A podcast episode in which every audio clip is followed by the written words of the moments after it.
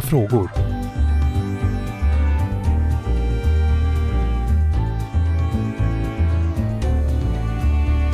Pollyprat med Minna och Karin. Hej och välkommen till Pollyprat den här veckan. Hej Karin! Hej Minna! Är det bra med dig? Det är det. Jag har precis dansat till fantastisk musik. Det gör jag på måndag förmiddagar, så jag är alldeles glad i kroppen. Ja, vad ljuvligt! Mm. Och jag har varit på impro på morgonen så jag är också grundad i kroppen. Jätteljuvligt! Idag har vi med oss Ronja också. Hej Ronja! Hallå, hallå! Hej! Vad kul att få prata med dig. Kan inte du berätta lite grann om hur ditt polyliv ser ut? Hur du lever poly? Eh, jag snubblade över Polly 2014 när jag efter en så här, efter ett rätt monogamt förhållande på drygt tre år så bestämde jag mig för att lämna det och så var så här, men nu ska jag vara singel ett tag. Bara det att det var liksom stadsfest i den lilla staden jag bodde i och det var så här helt underbart, jag var nybliven singel och så snubblade jag på min kompis kompis liksom. Och så blir det så här, men jag ska komma ihåg att berätta för kompisen och kompisens kompis att jag är singel nu. Det gav ju resultat för den här kompisens kompis och jag hamnade ju på dansgolvet två kvällar i rad och så kysstes vi äntligen och då var så här, du vänta lite, jag behöver berätta några saker. Jag tänkte att jag ska vara singel ett tag och min, mitt ex sedan liksom i måndags sitter två våningar upp på den här nattklubben vi är. Men om du är okej med det så kan vi fortsätta det här hånglandet och dansa vi påbörjade. Den kvällen blir att en sak leder till en annan men vad som också händer är att när vi liksom slår följe hem är att vi lyckas prata väldigt mycket om liksom vår relationshistorik och vad vi tänker och sånt. Så det gör vi och så dejtar vi tills en vecka och så, så åker han iväg en vecka och då kommer jag på, fan jag saknar honom, vad gör jag nu då? Mm, singellivet gick inte bra alltså? Nej, det är som någon jag hade tänkt liksom. Så när han kommer tillbaka så säger men jag vill ju fortfarande ha kvar något av den här friheten för det fanns någon annan person jag var lite intresserad av att träffa också. Och då var det så här, men okej, ett sexuellt öppet förhållande där, men det kan vi väl köra på, kommer vi överens om. Så då blir vi ihop Uh, och så går det några månader och så blir jag utfrågad på en dejt av en person som tränade tillsammans med då. Och så är det så här, ja men det går bra, men bara så att du vet så är jag ihop med den här filuren som du pluggar på samma högskola som. Men om du är okej okay med det så kan vi nog testa det här. Så jag går på dejt med den här filuren, den tar dubbelt så lång tid som planerat. Och det som då var min pojkvän blev så här, när jag kom hem på kvällen sen så var han så här, men kan du lova mig att du inte kan bli kär i honom? Och jag bara, mm. Mm. Det blev väldigt, väldigt tyst vid det matbordet kan jag ju säga. Och där kommer tar... den där skillnaden, eller hur? En öppen, en öppen relation, vad är det då för förväntningar och ja. vad får det finnas för känslor? Och, ja. Precis, så liksom det här där liksom gränsen för det här sexuellt öppna liksom slutar mm. ju någonstans där. Så då pratar vi om det morgonen efter igen och jag säger så här, men man kan ju inte lova, man kan ju inte styra sina känslor på det sättet. Liksom. Det är ju inte ärligt för mig att säga att jag inte kommer bli kär i honom. Klokt va? ja, och då var det så här, men det håller han ju med om. Så då var han så här, men om vi båda tycker det, vänta lite, jag har hört talas om det här som heter polyamori, jag ska bara googla lite. Så han får lite kontakt med också någon kompis kompis som han visste var polyamorös uppe i Göteborg och får lite så mer rekommenderade länkar än vad en Google-sökning ger. Och så kommer han tillbaka med det här konceptet om polyamori och öppenhet och ärlighet och allting sånt. Jag bara, det där låter bra, det kör vi på. Och så hade vi ju ett första år av att bygga om våra hjärnor och avprogrammera monogamspöken man inte visste att man hade, göra en jävla massa misstag och så här, mm. prata sent in på kvällen, ha sex, sova alldeles för lite och gå till skolan ungefär. Som ett utbildningsår? Ja, jäkla bra personlig utveckling det blev liksom. Mm. Eh, men sen har det rullat på liksom och känts som helt rätt förhållningsfilosofi till relationer sedan dess och jag har varit rätt aktivistisk och engagerat mig lite i polyföreningen och lite andra aktivistiska aktiviteter och lite sånt. Ja, men för det är en av anledningarna som det är kul att prata med dig Ronja, för det är så här, du tar ju det här personliga som du upplever och så vill du flytta ut det till, ja, hur kan det här, hur kan det här komma ut? Hur kan vi jobba med de här frågorna? Hur kan fler få, vara med om det här, men också så här, bara att det finns och normalisera. Mm. Så det tycker jag är så kul. Det vi tänkte prata om idag är ju det som vi har nämnt några gånger i den här podden. Det som vi brukar kalla för relationstrappan. Och du har ju pratat Ronja om det, kanske ett annat begrepp som man kan prata om närhetsprinciper i en relation. I det här sammanhanget när vi pratar om det tycker jag att det handlar om hur vi bygger relationer och hur vi känner att de utvecklas när vi inte automatiskt har den monogama skriptet framför oss av hur en relation ska utvecklas. Eh, Villa, vove, Volvo är ju en sån där liksom, skämtsamt sätt att prata om det. Men det finns ganska många olika steg i en normativ relationstrappa som många polyrelationer behöver ta ställning till. Klassiska som man säger ju, ska vi bo ihop eller inte? Vill du ha barn med någon och i så fall väl vem? Du vet, hur, hur gör vi med familj? Ska vi, mm. är vi en relation som man ska träffa träffa andras familjer? Vet, vet någon om en som att vi är ihop? Alltså det finns så mycket som bara hänger löst. Hur tänker du Ronja, om du tänker på relationstrappan? Hur skulle du beskriva det? Ja, men jag tycker väl, framförallt när man pratar liksom den normativa relationstrappan, så är det ju verkligen det här att liksom så här, men man ska dejta, man ska bestämma att man blir ihop och därmed också exklusiva. Man kanske därefter flyttar ihop och så, så flyttar man kanske till ännu större och så kanske man bildar familj och liksom så här, att det här att man investerar mer och mer stegvis. Det finns liksom, det är ju de stora stegen så att säga. Men liksom när det kommer till liksom det flersamma livet så blir det ju så att framförallt att man behöver individanpassa också så här till vad man är för mål. Visst, man kan ha relationer där man hyfsat följer så här, en rätt normativ relationstrapp. Det finns ju mm. oftast något skede där man så här, dejtar och sen så att man, ja men så här, okej, okay, nu är vi faktiskt lite stabila. Vi har hängt ihop ett tag. Vi kanske faktiskt kan mm. säga att vi är ihop och är partners eller så. och det kan ju finnas vissa sammanhang där det är lämpligt att faktiskt flytta ihop till någon och vissa personer går och gifter sig med någon liksom. Men det är ju inte lika, lika givet att det är så det måste vara och det borde det ju egentligen inte vara i en monogam relation heller, men det, det ligger ju i bakgrundsnarrativet och samhällspulsen, liksom, att det är så det borde vara i vanlig ordning. Ja, det finns en slags berättelse. Och följer vi inte den här berättelsen så, så är det en slags eh, ett medvetna val vi behöver göra. Så tänker jag. När det här diskuterades vid något tillfälle i, i en Facebookgrupp vi är med allihopa så skrev du så vansinnigt kloka saker om vad kan bygga en relation och närhet och känslan av att vi har någonting tillsammans som vi båda värdesätter och hur kan vi kliva så att säga närmare varandra om inte alla de här stegen är tillgängliga eller kanske inte så många av dem alls. Mm. Som du just beskrev. Och du skrev så kloka saker om det så det känner vi, det här måste vi prata om. Vad bygger närhet för mig? Vad bygger närhet för dig? Och vad kan vi mötas? Vilka saker kan vi ha ihop?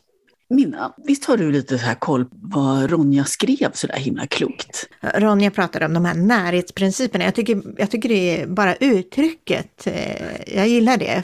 Jag har alltid känt den här relationstrappan. Eh, det finns här någon jobbig känsla med den, för det finns något mm. krav inbyggt i det också, att man ska eh, leverera liksom i en relation och den ska byggas och det ska gå uppåt, det ska bli mer. Mm. Men om man pratar om vilka närhetsprinciper vill du och jag ha mellan oss i vår relation? Vad betyder någonting för dig och mig? Och vad, vad vill jag nu? Och vad vill jag sen? Det kan ju vara olika saker. Du skrev om sådana steg som har varit viktiga för dig och de här stegen kan vara ganska svåra att liksom sätta fingret på. Men när man kanske observerar det i, efter, i efterhand så ser man att men det här hände ju mellan oss. Och det är ofta då att det är um, fördjupningar som sker med liksom tillit och känslor som huvudanledning. Att man mm. får ökad tillit för varandra och att man har känslor för varandra. Inte kanske på ett klassiskt monogamt sätt att nu, nu, nu har vi ju faktiskt varit tillsammans i, i två månader, då är det lämpligt att du presenterar mig för dina föräldrar eller har du något att dölja? Där det, det, här, det här är en annan väg att gå. Vad längtar jag efter, vad har jag och vad liksom gör att jag känner närhet med dig? Det du pratade om, det var att det finns vissa steg som har varit en slags fördjupningar i relationer. Och känslor och tillit är liksom det som eh, är viktiga ingredienser i det. Och då skrev du att till exempel så är riktigt förtroliga och sårbara samtal om livet, tidigare relationer, om vår relation, om sår i själen, sorger eller annat. Och det är riktigt förtroliga och sårbara samtal. Nej, men just det där liksom, när det känns man blottar sin själ lite och att i, i det samtalet liksom lär sig väldigt mycket om varandra. Det där om att stötta någon annan genom att prata igenom något som är svårt. Finns ju något väldigt fint i också att känna att man kan bli hållen eller vågar antro sig om någonting som är svårt för en själv. Men så Ronja, någonting om det här att både att kunna ha ett sårbart samtal och att det är båda vägarna. Alltså både kunna lyssna mm. på den andra men att bli lyssnad på och hålla. Mm precis. Och det är ju också givetvis någonting man kan ha på liksom, fler än två så att säga. Liksom, att ha.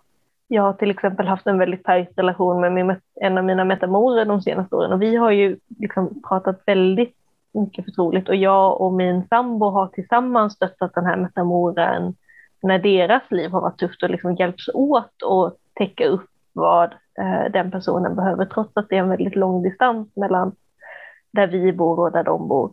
Och sånt är också väldigt liksom, fördjupande det här att, liksom, att finnas där för någon och att man känner att man hjälper dem genom en tuff period eller en tuff dag eller vad som. Liksom. Alltså du pratar om det här med också om att, att kunna gråta och trösta och ge varandra den typen av stöd. För mig hänger det ihop med vad vi sa tidigare. För blir jag känslomässig så gråter jag och så gråter jag med hela ansiktet. Jag snorar dessutom.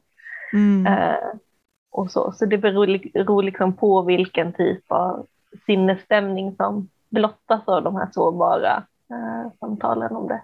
Men precis, du skrev så här att kunna eh, höra av sig till en person eh, för att när man eh, mår kast eller är deppig och veta att man får stöd eh, eller tröst eller uppmuntran om personen har tid eh, eller har möjlighet att prioritera mig just då. Eh, och att det här är sånt som du upplever uppbygger närhet för dig. Mm. Är det så för dig också Karin? Mm, absolut. Och det varierar ganska mycket hur, hur, hur mött jag blir i det. Det kan ju bli uttalat, så här, ring om du behöver eller skicka ett mess så kan jag så svara. Du vet, jag läser när, så fort jag kan. Så Men det kan ju också vara så att jag märker att det faktiskt eh, det, det är så. Mm. Uh, men sen finns ju också det motsatta. Jag, det är väldigt det är väldigt olika hur mycket, hur lätt människor har att göra fri sån där spontan tid. Ni vet, eh, till exempel en måndag eftermiddag klockan 13.38 om jag bryter ihop efter att man har haft något skitjobbigt samtal med skolan eller någonting. Ja, men, du vet, något som rör mitt familj, något, någon slags annan del som kanske inte den partnern eller människan har kontakt med. Det är jätteolika i olika relationer hur nära vi är i det då är det den här funderingen, så här, vad är en partner och vad är en vän? Och vad är, alltså, mm. Eller hur? Då liksom går det där ihop. Jag tycker det är jätte, jätte, jättefantastiskt att bli mött i det. Eh, och när jag inte blir det så måste jag liksom göra om lite. Om det händer någon gång, så bara, oj, nej men nu har den här människan inte varit inne och tittat på sina meddelanden på flera timmar. Ja, men då måste jag ju ringa eller någonting eller skicka ett sms om jag vill komma igenom. Om det händer många gånger att, att det är sådär, nej men vi kan prata på torsdag då är det inte alltid så att det finns kvar på torsdag. Mm. Jag tycker det är svårt. Jag har också en intressant situation där den partnern jag inte bor med har en av, en av mina metamorer där vissa dagar. Så jag hör alltid av mig mycket mindre de dagar när jag vet att den metamoren är på plats än de dagarna de inte är. Så det är så här, ja, men en måndag skulle jag kunna spontanringa den här partnern på en eftermiddag, liksom, bara för att jag var lite pratsugen. För då vet jag att sannolikt så kan han titta upp från sitt programmeringsjobb. Liksom. Medan är det en torsdag eftermiddag så kanske jag kan tänka mig att skicka ett meddelande, men jag skulle aldrig spontanringa på en torsdag eftermiddag för jag vet att det är sannolikt att metamoren är där eller på väg eller att det kommer påverka deras dynamik. Liksom. Eh, så det är också sånt spännande, så här, det där med hur relationer praktiskt överlappar, liksom. att man vet att någon potentiellt är upptagen med någon annan. Så att säga. Men det handlar om tillgänglighet. Där är det mm. otroligt olika. Ja, alltså jag, jag är ju nog också där lite grann att jag har haft det som Ronja, att eh, är någon av mina partners med någon annan av sina partners så är de, de personerna otillgängliga för mig. Eh, så har, det nog, har jag nog alltid känt det. Och lite så känner jag nog också, att om jag är med någon partner så är jag otillgänglig för andra partners. Jag, jag gör parallellpoly som man brukar kalla det på det sättet.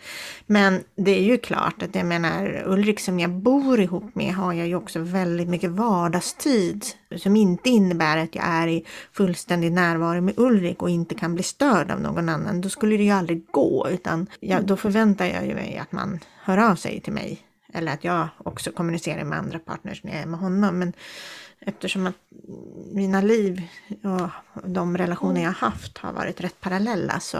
Men det är ju skillnad mellan liksom dedikerad liksom, dejttid med någon och liksom, vad ska man säga, bara ett vardagshäng. Mm. Uh, skulle jag liksom verkligen vara på en dejtdejt med typ den nya personen som jag rätt nyligen börjat träffa då, är det så här, då har jag förmodligen min telefon på ljudlöst och du får vänta tills jag är på tåget hem och få ett ja. svar. Liksom. Men då är man ju också reserverad över typ en kväll och inte liksom över flera dagar. Så. Men kan ni uppleva att det där påverkar er känsla av närhet? Det här är ju verkligen en, en faktor för oss som har flera relationer. Ja, jag har ju inte det här behovet av parallellpoly. Fast det där är inte riktigt sant heller. Ibland så drar jag iväg in i en bubbla och andra partners accepterar det. Jag vill ju kunna göra så för andra. Jag vill kunna vara tillgänglig i den mån jag kan. Sen så inser jag ju att det, är ju också så här, ja, det finns ju tillfällen när jag säger nej, men det, jag kan inte prata, eller det går inte, eller hur skulle det gå till? Eller du kan försöka skrika över mina barns skrik om du vill, men jag tror inte, ja, du vet. Tillfället för sam Det är ju så. Så jag, ibland tror jag att jag har en lite orealistisk bild av hur jag skulle vilja att det var. För mig är det en av de sakerna som liksom gör att poly känns stabilt, att liksom, amen, om min sambo skulle vara jätteupptagen eller alldeles för upptagen med att inte må så bra själv så vet jag att jag har flera personer som jag kan vända mig till. Uh, och det tycker jag är väldigt fint. Ja, och det är det ju. Och då beror det på så här, om det är någon du behöver prata med eller just den människan du behöver prata med. Mm, så är det ju. Jag upplever nog inte att det påverkar min känsla av närhet. Den närheten jag behöver, den bygger jag framför allt i det mötet vi har, alltså när vi ses. Hur närvarande vi är för varandra, hur jag känner mig lyssnad på, bekräftad i det jag... Det, det är där som min närhet byggs, tror jag. Mer än i, tillgänglighet eller kommunikation. Hur påverkas det för dig ifall det är svårt för någon att liksom bestämma när ni ska träffas härnäst? Det är en typisk sån sak som minskar min känsla av närhet. Att om personen ställer in träffar eller inte klarar av att planera träffar eller sådana saker, då minskar min känsla av närhet. Så är det absolut. Samtidigt så kan jag nog eh, liksom återhämta den känslan om vi väl ses igen Eh, och vill ses. Så att det, det, är inte som, det är som aldrig att det är kört. Man kan alltid, det är alltid dynamiskt. Eh, jag upplever mm. aldrig liksom att det är hugget på något sätt, utan att det blir som det blir. Det för ju in på nästa del som det här som vi håller på att titta på Ronja, på ditt fantastiska, dina fantastiska reflektioner. Och en av de sakerna du har skrivit som handlar om mer konkreta steg för att känna sig, när du känner dig nära någon annan. Att sova ihop och mängden dygn vi regelbundet spenderar ihop. För mina, det tycker jag har att göra med det där, har vi en hur gör vi det? Flyter det? Blir det som det blir? Jag kommer in till dig när jag har lust. Eller är det så här, jag gör tid för dig i almanackan. Eller jag vill ha en, en gång varannan vecka. Det, det där ja, så är det ju absolut. Jag har ju haft en del, jag vet inte ens om jag ska kalla relationer, men som dejter där man liksom bara ses på dagtid. och eh, liksom, ja, mera kanske sexträffar. Och då, ja, det, det, det finns ett tak i den närheten. när mm. tiden är begränsad på det sättet, eh, då kommer vi inte så mycket längre eh, för mig. Så att det här med liksom att spendera ett antal timmar ihop och, sova ihop ökar ju definitivt närheten. För det är så mycket med det där om hur man beter sig på en kväll och så, så hur man sover ihop och sen så också det där med att vara morgonmänniska med en annan person. Liksom. Och en av sakerna som jag vet att jag nämner är också de här små praktiska detaljerna att amen, men jag kan fylla på kaffet till min partner när jag är över där för att jag vet vid det här laget hur mycket mjölk de ska ha. Och det är ju något som liksom säger något om att ja, men vi har lärt känna den här biten av varandra. Mm. Som också det här ja, men framförallt då, jag brukar ju dela in mina relationer lite grovt i att prata om liksom låg och högintensiva relationer. Och då handlar ju det om liksom att en högintensiv relation är en relation där man spenderar mycket tid ihop, man kanske spenderar mycket kommunikation ihop, även om man då bor isär. Liksom. Men det är en väldigt liksom, hög del av ens så här, rätt dagliga liv så att säga. Medan en lågintensiv relation kanske är någon man träffar ja, men mer sällan, man har inte lika tajt kontakt. Men anledningen till att jag tycker om att prata om liksom den praktiska intensiteten är att det säger, behöver egentligen inte säga så mycket om känslointensiteten eller vikten av värdet för de relationerna. Liksom. Jag hade under en period en älskare som bodde på den danska sidan när jag bodde i södra Sverige och vi träffades, det var ju månader emellan att vi träffades, men det var ändå en jätteviktig relation för mig när den hände, att det ändå var ett utlopp som jag behövde ibland. Och så. Men det var ju en lågintensiv relation då i förhållande till liksom de särbo och samborelationerna som jag hade parallellt. Aha, jag älskar det här.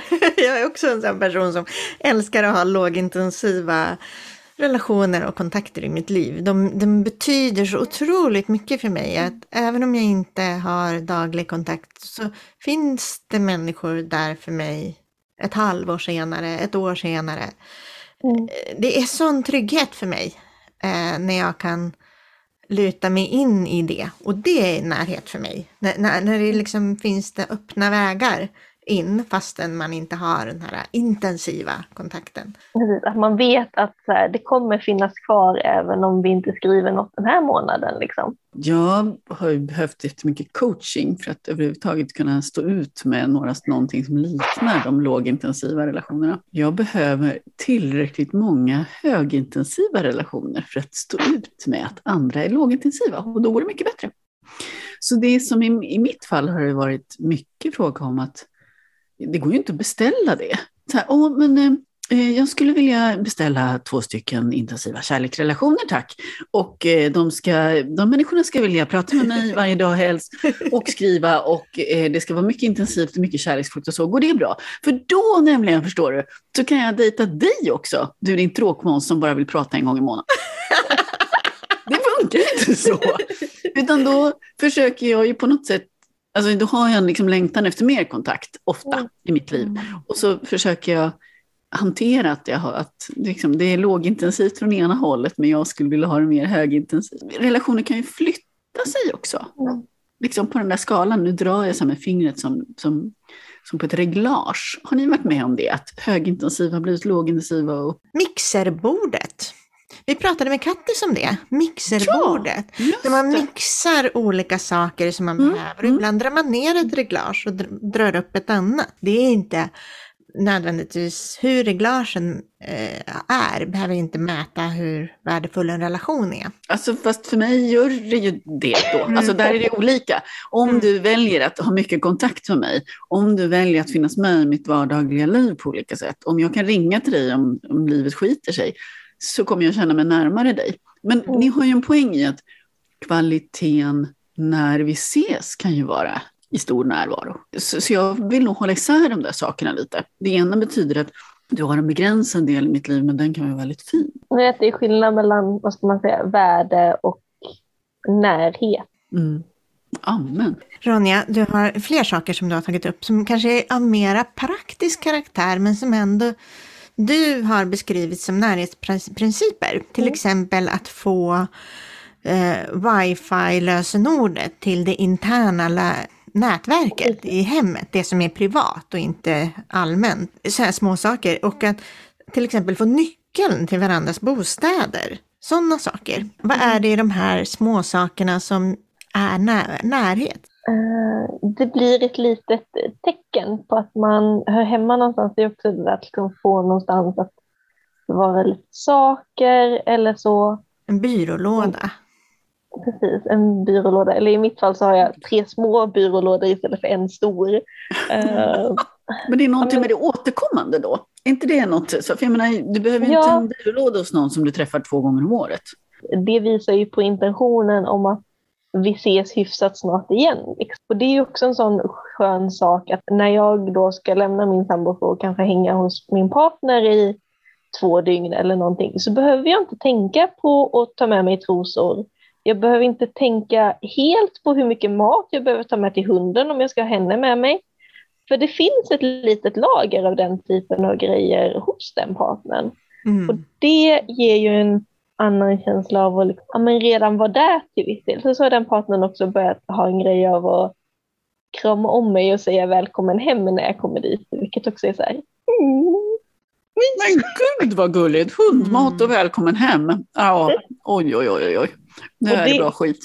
Och liksom om vi nu snackar praktiska omständigheter så är det ju en rätt ny del av mitt liv. Jag har haft hund nu i, eller den här hunden ska jag säga, eh, som överlappat med mitt polyliv i drygt ett år och det har gjort jättemycket att även hon är välkommen in med dem jag har relationer med. Så partnern har ju liksom själv satt titeln bonushusse på sig. Mm. Och liksom, är det någonting så har jag utvecklat ett nytt kärleksspråk av att så här, när partners eller personer jag är intresserad av interagerar med min hund och liksom så här busar och gosar över henne så är det ju bara så här, Åh!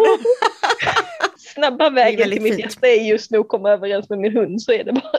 Och det kan jag tänka mig en liknande känsla när man liksom presentera sina barn för nya partners när man har det som ni har haft och så. Då kommer vi till en sån här att möta familj och ingå, alltså, för du skriver det lite längre ner den här fantastiska, det här att kunna samla flera nära och kära personer på till exempel kalas och middagar och att det känns familjärt och trevligt. Men det har också att göra med det här hur mycket, hur mycket i släkt och familj mm. som du får komma in och, och som du släpper in andra. Och finns det barn med så blir ju det där så är det en jättestor fråga för många. Hur fort ska, ska ens barn bli presenterad för? För oss så har ju liksom de relationerna som kanske framförallt min man har haft, lärt känna våra barn långsamt. Men det har hela tiden också varit viktigt att man har ett eget relationsliv där barnen inte är inblandade.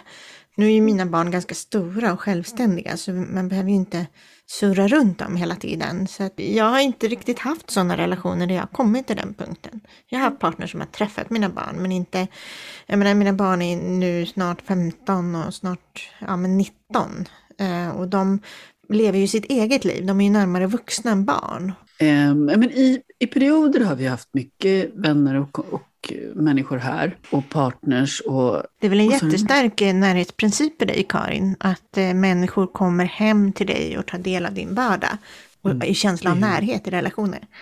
Mm. Jag har haft den turen att de människor jag gör relation med har velat komma och hälsa på. Mm. Och, och, alltså komma hem till mig, komma in i familjelivet. Och sen har de gjort väldigt olika. Hur, hur mycket de interagerar med barnen, hur mycket de interagerar med Örjan när det gäller de två partnerserna som jag har nu som är mer definierade, de, där är det ju sådär, ja, den senaste, Anders, han, han plockade med sina barn till oss ganska snabbt och var i nio dagar tror jag, sju eller nio dagar första gången vi träffades. Ambitiöst. Det är bra jobbat. Det gör ju också att, att det går lite fortare framåt med relationen. Alltså man, det blir ju inte heller bara där, åh, nu har vi tittat på varandra och vinkat till varandra på Skansen, ätit en glass och sagt hej då. Utan det är så här, nu knögglar vi ihop de här familjerna i det är ju en av nackdelarna med att göra poly på det sättet jag gör. Det vill säga, jag kan inte så länge upprätthålla illusionen av vilka mina partners är. Ni vet när man möts bara i den här bubblan och gud vad mysigt det är. Utan jag ser dem som föräldrar, jag ser dem när det, du vet när mina ungar har slagit deras ungar, hur blir de då? Och det kan ibland vara... Så det, men det måste ju vara en sån jättebra grej. Det finns ju vissa sådana, alltså så här, om man dejtar monogamt så är det ju ett av de tipsen att så här, iaktta hur personen så här, behandlar liksom servicepersoner som kypare och sånt, för det säger något om deras attityd till andra människor och om man halkar ner till det där till att inte vara någon man ska passa upp på som man ofta är på en dejt. Så jag menar det måste ju vara liksom världens bästa att se så här, okej, okay, när våra barn bråkar, vilka blir vi då? Funkar vi fortfarande efter det? Eller är vi ovänner för livet? Liksom? Och hur blir det när ungarna springer in när man liksom hade tänkt ha något mysigt morgonsex och så är det bara åttaåringar överallt? Och så, ja, det, är väldigt, det är väldigt annorlunda än det romantiska dejtandet. Det kanske har blivit någon slags selekteringsprocess att de som är kvar är de som kan uppskatta det på något sätt. Och som sagt, och som kan garva åt saker och sen också är, som orkar med att det blir krångligt och, och inte så, så bra. Och som faktiskt orkar med mig då när jag inte är så himla bra. men jag gör nog gärna så. Sen har jag ju med Andreas som är en lite längre relation, där har vi ju setts mer sällan men det har växt, vuxit lite gradvis till det där. Att träffa barn och så. Men jag saknar ju i båda de relationerna är det ju så att, att de har träffat eh, mycket fler av min familj än tvärtom. Där finns en obalans som jag kan längta efter. Jag tänker att det också har att göra med, jag menar, olika människor har ju olika relation till sin familj mm. och umgås olika mycket med sina föräldrar och syskon och kusiner. Eh, vissa gör det nästan inte alls och på grund av andra belastningar i livet och sådär. Det tar mig in på ytterligare en punkt du har skrivit som jag tycker är jättespännande. Det är den här att gå på event tillsammans och synas som par. Framförallt bland vänner som även vet om att man har relationer och har flera relationer. Det här är ju plättlätt. Jag har aldrig hört någon Polly ha något problem med det här någonsin. Så det här kommer bli en snabb fråga. Jag kan ju säga sådär att det tydligaste jag varit med om det var ju på sommarfesten hemma hos dig Minna. Ja! det var första gången jag och den partnern liksom hängdes. Det som ett par utstrålar i den typen av event är ju den här naturliga samhörigheten. Mm. Och att få utstråla det tillsammans med någon som då kanske inte är den man bor med eller ännu hellre kunna vara i vissa sammanhang och utstråla samhörighet med flera partners. Jag vet vid något tillfälle så Um, och har jag gått i Pride-tåg med flera av mina partners och det är ju bara typ det mysigaste som finns när man kan gå och hålla hand på båda sidorna liksom. I alla fall om man är en någorlunda social extrovert liten filur. Så det där med också så här, ja, men få synas utåt som att ja, men vi hör ihop, vi är ihop och att världen får tolka en så är, betyder något. Jag tycker för mig det där har, har jag märkt att det betyder jättemycket. För det har funnits en fas i mitt liv där kanske jag har det är någon som jag vill bygga närhet med och så går man på samma event men man på något sätt ska inte gå ihop. eller man ska på något sätt man inte gå låtsas ihop. att man inte är liksom. Ja, eller man ska, man ska liksom gå var för sig på samma event. Och så ska man på något sätt bara bortse ifrån den närheten eller det kroppsspråket man har med varandra. Och det där tolkar jag ju som någon form av rädsla för att signalera att man är upptagen eller inte mm. tillgänglig då för kanske andra som man vill råka möta på den där stället. Eh, och jag har märkt att jag behöver det där eh, mm. i liten mängd. Det är en sak som är en bekräftelse för mig att få eh, liksom att någon visar inför andra vad jag betyder för dem. Och jag tycker den andra känslan är otroligt obehaglig. När jag, känner mig enormt osynliggjord. Mm. När jag på något sätt ska låtsas som men vi går inte ihop, vi har ingenting tillsammans. Vi är på samma ställe men vi går var för sig. Det kan ju vara allt ifrån en fest till något mera intimt event. Så det, det är ingen mm. skillnad egentligen. Men det handlar ju också om att plötsligt så uppkommer en väldigt mängd regler som jag måste mm. förhålla mig till, som jag hittar på. Eller jag har också varit med om sådana saker när det liksom har legat och slirat åt det hållet som du pratar om Nina. Mm. Och då märker jag att jag blir jätteosäker. Eh, får jag gå fram och pussa på dig om jag går förbi? Eller nej, just det, vi ska ju inte låtsas som att vi, du vet, vi kom ifrån vi hade sex innan vi gick hit, eller till exempel. Ja, vi kommer dit som ett, det här har jag också varit med om, vi kommer dit som ett par, men sen under tiden ska vi liksom vara fria och, och sen ska vi gå hem som ett par. Och jag, jag är inget bra på det där, så här, att liksom klipp eller, eller vad ska hända i den där tiden emellan. För mig är det nog lättare om jag får vara kvar i att vi är här, vi har en connection. Men det är klart inte jag kommer att sitta och titta på dig för att se om du tittar på mig hela tiden. Nej, alltså det är klart att alltså det, Men det är jättesvårt. Det, det, det, alltså det finns ju något emellan där. Ja, ja men verkligen. Och sen, sen kanske det också så att jag har längtat efter att den närhetsbekräftelsen som det ändå ger. Mm. Eh, de gånger det kanske har varit så här, nej nu ska jag vara liksom så här stark och jag ska inte, jag ska inte, det ska inte väcka några känslor av obehag i mig eh, när jag måste hålla band på mina, det du och jag har emellan oss för att vi är bland andra. Mm. Eh, väldigt svårt att bygga närhet i det. Det är ju snarare mm. så att då blir det ju, då ökar ju avståndet mellan oss för att då uppsätter vi upp en massa murar mellan oss. Mm. Just bara för att andra ska råka se. Eh, och sen har jag full respekt för att folk inte i alla sammanhang är offentligt poly och liksom det är afterwork med mm. deras ja, arbetsplats. Men du, det är inte ska... samma sak. Det är inte samma sak. Nej, alltså, det är inte samma sak. Det måste man, det måste man ju respektera. Precis så, om jag, om jag är hemma hos någon eller arbetskamrater som du säger. Mm. Det är en helt annan situation, men är vi i ett flersamt sammanhang? Det är väl mer i dem? Många sammanhang. Och framförallt så är det så här, men om det är ett sammanhang där vi faktiskt liksom ska vara tillsammans som är liksom så här, där, där vi är där för att vi båda valde det för att det är våra gemensamma vänner eller så. Här. Du, du bjuder ju inte med någon till en familjemiddag om du inte ändå vill visa på någon form av samhörighet så, det, så är det så här, ja, men då kan jag väl få vara liksom ditt faktiska plus och inte bara din vän du råkade ta med dig. Eller vad var ja. din poäng med att så här, smyga in mig i det här sammanhanget annars? Liksom? Ja. Men det är väl det där med att liksom man behöver se till att man har kommunicerat rätt förväntningar. Det får inte bli att man plötsligt går till något tillsammans och så bara, nej men nu vill jag inte hålla dig i handen. Då blir man ju jätteputt Ja. Utan det är så här, ja. okej okay, nu, nu, nu bjuder jag över dig för att ha middag hemma hos mig men så här, jag tror inte barnen är redo för att se oss pussa sen. Ja men okej, okay, fine, då vet jag vad jag har för förhållningsregler att jobba med. Liksom. Jag vet ju att jag har valt bort att gå på event när jag har fått mm. det önskemålet att ja men vi, det är kul om du också vill gå på det här men jag vill inte att vi, jag vill att vi går på det här var för sig. Fastän vi har en pågående Eh, relation. Och då har jag valt bort att gå. Ja. Eh. Jag har en sån relation, eller en sån diskussion med en av mina partners om hur vi ska göra när vi går på event. Och det är mm. inte klart. Det är väldigt olika i olika relationer tycker jag, hur lätt det där är att förhandla.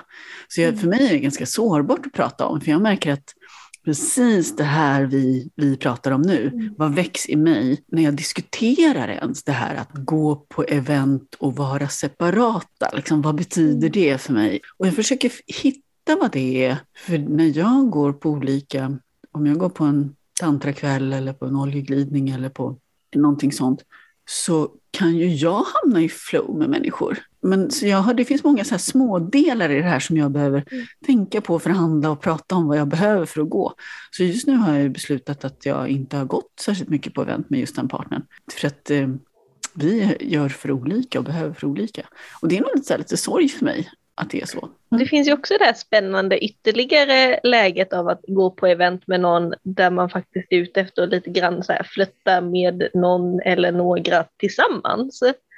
Eh, det hade jag en del med en tidigare partner där vi kunde gå men på sådär studentpubben eller sånt och liksom så här, målet är ju att så här, det ska synas att vi är ett par men det ska också synas att vi gärna kanske flyttar in någon mer i, det här, i den här konstellationen. Liksom. Det är ju något som inte hör den monomorösa normen till, så att säga. Det där att man liksom både är ihop och öppen. Liksom. Och hur, hur utstrålar man det på rätt sätt? Gud, det är jättespännande. En annan sak som du hade skrivit handlade om det här med om att eh, bli inräknad och tillfrågad inför semester och högtider och vad det finns för möjligheter att vilja fira sånt ihop. Det är sånt som är när, bygger närhet för dig Ronja? Ja, till viss del gör det det i alla fall. Och liksom olika högtider betyder ju olika mycket, men just att i alla fall liksom kunna ha ett samtal när det närmar sig, ja men ta jul, jul och nyårsperioden som det mest klassiska och intensiva planeringsstråket. Liksom. Dessutom fyller partnern år där kring också, så det är så här, okej, okay, du har en födelsedag, en julafton och en nyårsafton. Hur vill du fördela detta mellan de tre personerna du har i ditt liv och din biologiska familj så att säga? Och då är det ju fint att liksom kunna ha ett samtal, men vill vi ha någon tid där? Vad är mina planer. Också för att jag har jag och min familj liksom i södra Sverige, min biologiska familj så att säga, och de vill jag ju ha viss tid och så är det så här, men okej, vill Sambons ha jultid eller inte? Det kom ett läge för något år sedan där jag trodde in i det längsta att partnern skulle fira nyår med en av, sin, en av mina metamorer. Men så visade det sig att det blev inställt typ så här dagen innan eller planerna ändrades på rätt kort varsel. Så då på typ dagen innan nyårsafton hör någon sig och bara, du, ska jag hämta dig så kan, du, kan vi fira nyår ihop? Och jag bara, ja men det går bra. För sambon var ändå inte intresserad av att fira nyår. Och jag vet att min far ringde mig på nyårsafton och gratulerade och jag sa att jag var hos partnern och inte med sambon. Liksom. Och han bara, men ska inte du och din sambo fira högtid? Liksom. Jag bara, nej, han vill inte det. Han vill knappt ens gå ut och titta på fyrverkerierna och då vill jag mycket hellre vara med någon som faktiskt kan tänka sig att käka lite fin mat och titta på fyrverkerierna. Liksom. Väldigt beror... rimligt tycker jag. Ja, väldigt rimligt i min värld också. Men min far som har lite mer eh, normativt tänk ibland liksom, tyckte att det kändes jättekonstigt. Men det där med jul är ju väldigt, det kan ju verkligen vara känsligt. För just jul är väl kanske den mest traditionsbundna familjehögtiden vi har i Sverige. Eh, där väldigt, väldigt, de allra flesta familjer har extremt så här, så här ska det vara, så här har vi gjort de sista 45 åren. Eh, och, och liksom på det här sättet och vi ska liksom, och skinkan ska vara kokt på det här sättet. Och det, och det ska användas den här duken och det ska vara den här bordsplaceringen. Det är ju helt eh, absurt egentligen, så det den är ju svårruckad det är ju enklare kanske med semester och sånt. Um, semestertid, att känna, kan vi planera semester ihop? Jag måste lägga min semester nu när jag ska ha semester. Vilken, kan vi dela någon vecka? Vad vill du göra på semestern? Har vi någonting vi vill dela? Mm. Uh, och vad finns det för möjligheter? Om finns det barn inblandat? Inte? Och sådär. Ehm, Precis, ja, men det är ju så, hur, hur många personer är det som vill ha en del av den här kakan? Och ibland kan det ju vara så som med min sambo, liksom, att men, han bryr sig verkligen inte om om vi gör någonting till högtiderna eller inte. Liksom. Och då vet jag att jag kan, men jag måste ju fråga honom om vad han är intresserad av. Så att bara bli inräknad i att skulle du kunna vara intresserad av en bit av den här kakan eller inte? Och så får man liksom checka av med alla man har kring sig, så här, ja eller nej. Liksom. Och så, så mm. vet man vilka som är intresserade och så får man fördela efter bästa förmåga. Liksom. Men, jo, men det där att, att göra sådana där tråksaker ihop med någon. Ja, det skulle, ja, men det skulle jag säga. Jag kan bygga närhet. Alltså, allt det där med att så här, men jag vill involvera mig eh, i ditt liv. Jag vill hjälpa dig med något som är svårt för dig. Liksom, eller så här, men det är klart att jag ställer upp på att hjälpa dig med den här saken och så kan vi sitta och mysa och titta en film sen. Liksom allting sånt visar ju på att amen, man vill ha mer än bara den där roliga, flöttiga första varianten som man försöker liksom vara i början av en relation en liten ja, stund kanske. Ja men precis, jag tycker att det är väldigt, så här, väldigt relationsskapande när Anders kommer hem till oss. Och han är ju så himla snäll och mysig och bra så alla tycker om honom jämt. Så att mina, särskilt min dotter vill gärna att han lägger henne och läser saga och liksom, det är jättemysigt. Nu har vi fått gå igenom en massa alternativa närhetsskapande saker som människor kan göra som inte har bestämt sig för att flytta ihop, skaffa en dobermann och eh, ett dubbelgarage. Eh, utan man kan göra på väldigt många andra sätt.